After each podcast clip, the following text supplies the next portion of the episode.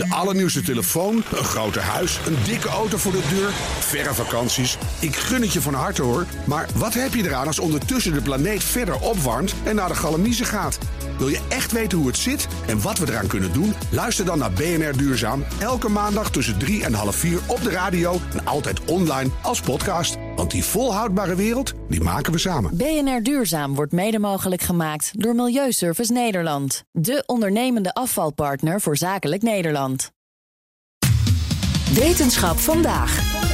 Dit keer uh, Wetenschap vandaag vanuit ja, een, een BNR slash Tivoli pop-up studio eigenlijk. We zijn uh, op het Bedweter Festival van de Universiteit Utrecht. En bij mij uh, schuiven vanavond allemaal onderzoekers aan die hier niet per se al spreken. Dus ik heb het geluk dat ze bij mij wel wat komen vertellen over hun onderzoek. Sommige mensen hebben experimenten, uh, anderen komen gewoon gezellig bij mij praten over wat ze normaal gesproken doen. Jan Broersen is hier op het moment. Hoogleraar Logische Methode in Kunstmatige Intelligentie. Dat is een prachtige titel. Wat houdt dat precies in, Jan? Uh, dat betekent dat ik uh, nadenk over artificiële intelligentie. Ja. Maar op een beetje, nou ja, je, je zou het oneerbiedig, oneerbiedig, kunnen zeggen, ouderwetse manier. Oké, okay, dat is ja, heel tegenstrijdig, hè? Ja, de, de moderne manier van artificiële intelligentie doen is met... Uh, st op statistiek gebaseerde methoden. Uh, deep learning heb je vast wel eens van gehoord. Ja. Uh, maar ik denk na over hoe je agenten of artificiële intelligentie kunt programmeren met, met gebruik van formules. En logica-formules en symbolen eigenlijk. En dat is ja, dat is wat ik doe op de universiteit. Logische methode om artificiële intelligentie te bouwen. Dus even lesgeven aan kunstmatige intelligentie, zeg maar, een beetje. Ja, wiskunde lesgeven aan artificiële intelligentie, ja, zeker. Ja, en, en nou kijk je ook naar morele verantwoordelijkheid en kunstmatige intelligentie. Dat lijkt me twee dingen die bijna niet te verenigen zijn. Dat is ook misschien niet te verenigen. dat, de, dat klopt. Okay. Het is heel, heel moeilijk om over na te denken over hoe je moraliteit of verantwoordelijkheid in een machine stopt. Ja. En de eerste vraag die je moet beantwoorden is eigenlijk inderdaad degene die je nu stelt. Kan dat überhaupt wel? zijn dat niet werelden die helemaal uh, verschillend van elkaar zijn? Uh, en daar kun je verschillend over denken. Sommige mensen denken dat artificiële intelligentie uh, ons op een gegeven moment zal evenaren. Dat ze het alle functies die wij hebben, uh, ook uh, de interne functies, dat we dingen waarnemen, kunnen beleven en zo, dat artificiële intelligentie dat kan bereiken. En als dat zo is, ja, dan kunnen we het misschien ook ja, ontwerpen op een manier dat ze, dat ze ook morele afwegingen kunnen maken op precies dezelfde wijze zoals wij dat doen. Ja. Dat is één manier. Andere manier is om te denken, dat kan helemaal niet. Maar dat neemt niet weg dat die machines uh, waar wij mee, die, waar we steeds meer mee te maken hebben, ja. natuurlijk wel ethische consequenties kunnen hebben voor ons leven. Kun je een voorbeeld geven? Een, een heel eenvoudige, waar iedereen altijd over praat, is de self-driving car of de zelfrijdende auto. Ja. Uh, die uh, natuurlijk ongelukken kan veroorzaken. En dan is de vraag, uh, nou ja, hadden we hem niet zo moeten programmeren dat hij dat niet zou hebben gedaan? Ja, want als voorbeeld wordt dan vaak gegeven, hij moet kiezen ja. tussen een, ja. een gezin en zeg maar dat tussen mensen bijvoorbeeld. Die rijd ik dan aan. Ja, dus dat, dat oké, okay, ik, ben, ik ben filosoof en het eerste wat je je daarbij moet afvragen is, is dat eigenlijk wel een filosofische keuze? Want kiezen tussen een heleboel mensen en een paar mensen, of tussen tien en één mens, uh, dat is niet echt niet. Je zou kunnen beweren dat dat niet eens een filosoof of een ethische keuze is. Het is een wiskundige keuze. Ja, het is eigenlijk gewoon. nou, jij weet wel wat je zou doen. Ik weet ook wat ik zou doen. Ik bedoel, als dat de keuze is, dan is het wel obvious dat je moet kiezen voor die ene persoon en niet voor die tien personen die je dan over gaat rijden. Even ervan uitgaande dat je helemaal niks over deze mensen weet. ja. Inderdaad, als je meer van die mensen weet, dan wordt het gecompliceerder, et cetera. Maar ethici denken over dit soort vraagstukken, uh, ja, uh, misschien wel op een andere manier na. Die zeggen van, oké, okay, ethiek is misschien niet precies dit soort pragmatische afwegingen. En misschien zijn er, uh, zijn er onderliggende ethische principes die, uh, die, die veel complexer zijn. En die niet, uh, ja, ja, bijvoorbeeld Kant zegt van iets is pas een echte morele correcte keuze. wanneer je het doet vanuit de intentie om goed te doen. Nou ja, Oeh, dat is dat natuurlijk. wordt wel heel ingewikkeld. Dat als wordt je dat, ingewikkeld, absoluut. Dat wordt heel ingewikkeld. Ja. En ja, dat, als je dat idee wilt inbouwen in die zelfrijdende auto. Ja, ik zou niet weten hoe. Hè? Dus uh, de, de vraag wordt is. het ook te ingewikkeld. Dat van, wordt te, dat, ja, ja, precies. Dus mensen die, uh, die over menselijke ethiek nadenken, die denken allemaal in termen, in concepten, zoals intentie, vrije wil. Uh, die denken allemaal in termen van concepten die eigenlijk heel moeilijk te operationaliseren zijn of uit te programmeren zijn en in een computer te stoppen. Ja, want als je daarover filosofeert, ja. hoe, zou je dat, hoe zou je dat kunnen vertalen naar computertaal? Ik, ik kan me daar gewoon niks bij voorstellen. Nee, ik kan me er net iets meer bij voorstellen, maar ook dat is moeilijk uit te leggen. Hoe ik, ik, dus er is een vakgebied van de logica, dus ik ben eigenlijk een, uh, een, een, een, wiskundige die formele logica is gaan doen. Ja. En formele logica is eigenlijk de wiskunde van het redeneren. de, dus uh, proberen in formuletjes te stoppen. Uh, wat jij en ik doen als wij met elkaar praten en wij, uh, ik, ik, jij geeft een argument, ik geef een tegenargument of ik bevestig het. Maar ik stel een vraag, je geeft een antwoord. Ja, ja, maar wij, wij zijn in ieder geval ook in ons hoofd aan het redeneren. Ja. En sommige van die redeneringen hebben betrekking op keuzes die we moeten maken die ethisch genoemd zouden kunnen worden.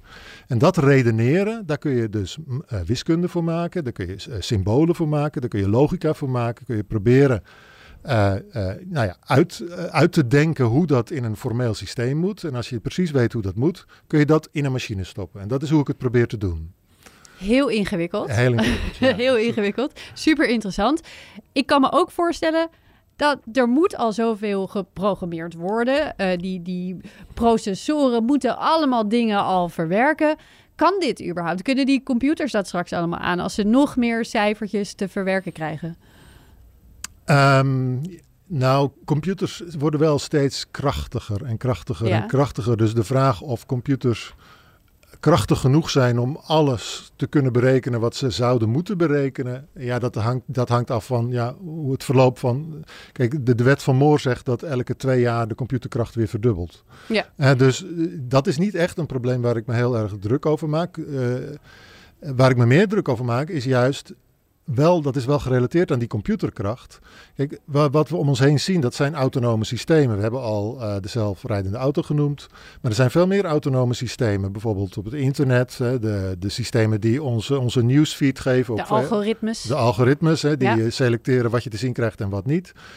dat zijn, daar zitten enorme computers achter met heel veel rekenkracht.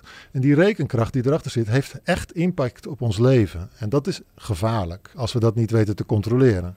Dus je, kunt, je hoeft niet noodzakelijk te denken dat die computers uh, ons zullen gaan evenaren uh, op elk niveau en dat ze dan de wereld gaan overnemen. Er zijn nog steeds mensen die dat, uh, die dat als angst hebben. Ja, ja, die zijn er wel. Zeker. dat ben ik dus niet. maar ik, ik zie wel de gevaren in de computers en dat is gewoon de kracht die in die machines zit. Uh, en dat we niet precies weten hoe die kracht uh, ja, zich zal openbaren wanneer we die machines steeds vaker gaan gebruiken om, om, met elkaar te interacteren. Ja, en als we dus niet, misschien ook niet goed genoeg weten wat we er allemaal in stoppen en wat dat voor gevolgen heeft. Ja, absoluut. En daar hebben we logica voor nodig om te weten wat we erin stoppen. Ja, dan is het maar goed dat er onderzoekers zijn die daar naar kijken. Uh, maar niet iedereen kan dat. Dus is er ook iets wat uh, wij kunnen doen met z'n allen, wij niet-wetenschappers, om hier een beetje aan bij te dragen? Dat is een vraag die ik niet aan zag komen. Uh, maar nee, ik denk, nou ja. Uh, Zijn we ons bewust genoeg bijvoorbeeld? Oh, je bedoelt het op die manier. Ik bedoel, ik, ik, ik, vroeg me af of je misschien vroeg of hoe mensen zouden kunnen bijdragen. Ik ga niet programmeren thuis hoor. nee, nee, nee. nee, nee, nee. Nee, maar dat punt van bewustzijn is een enorm belangrijk punt wat je noemt. Absoluut. Kijk, juist uh, wat, wat ik net al zei, er zijn mensen die denken over AI na alsof het gelijkwaardig aan ons is en dat uh, via een soort survival of the fittest zullen die AI's de hele wereld gaan overnemen. Dat is een ongegronde angst, vind ik. maar dus mensen hebben wel angst voor AI, maar de angst zit op het verkeerde punt. Want ze, zouden veel meer angst moeten hebben voor de gewone AI die we gebruiken, waar we, waar we dagelijks mee interacteren op het internet. niet die hele geavanceerde, maar juist die, juist die simpele algoritmes. Absoluut, dus de aandacht gaat een beetje de verkeerde kant op. En dat is dus een bewustwording, je, wat je net noemt, die heel belangrijk is, vind ik. Wordt het gesprek al goed genoeg gevoerd?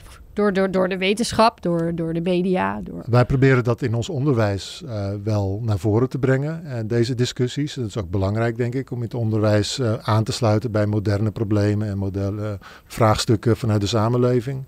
Dus dat proberen we te doen. En ja, er is helaas ook wel heel veel aandacht op de verkeerde manier voor dit vraagstuk. Juist doordat er zoveel Nou ja, mensen zien natuurlijk films over AI en die, uh, die films die, die dikken het meestal een klein beetje aan. Dat doen ze wel eens, ja. Ja, dat, daar hebben ze de neiging uh, toe. Uh, en dat snap ik ook. Het is ook heel leuk. Ik kijk heel graag naar die films, uh, absoluut. Maar er zit ook wel een klein beetje de, het gevaar in dat mensen gaan denken dat die AI's uh, meer kunnen dan ze eigenlijk kunnen. Ja, en dus dat je heel ver van huis gaat kijken terwijl je eigenlijk dicht bij ja, huis precies. zou moeten kijken wat kan daar misgaan. Precies, precies. En, en dus die, die, die verantwoordelijkheid van in kunstmatige intelligentie, daar, daar ga je de komende tijd ik, nog ik, meer ik mee bezighouden. Ik, ik blijf hierover en dat verandert nadenken. waarschijnlijk elke dag, dit, Ja. dit gesprek. Ja. Dus dan, uh, dan stel ik me zo voor dat we hier nog wel een keer over uh, door gaan Leuk, praten. zou ik heel leuk vinden. Heel veel plezier op het festival ook. Dankjewel.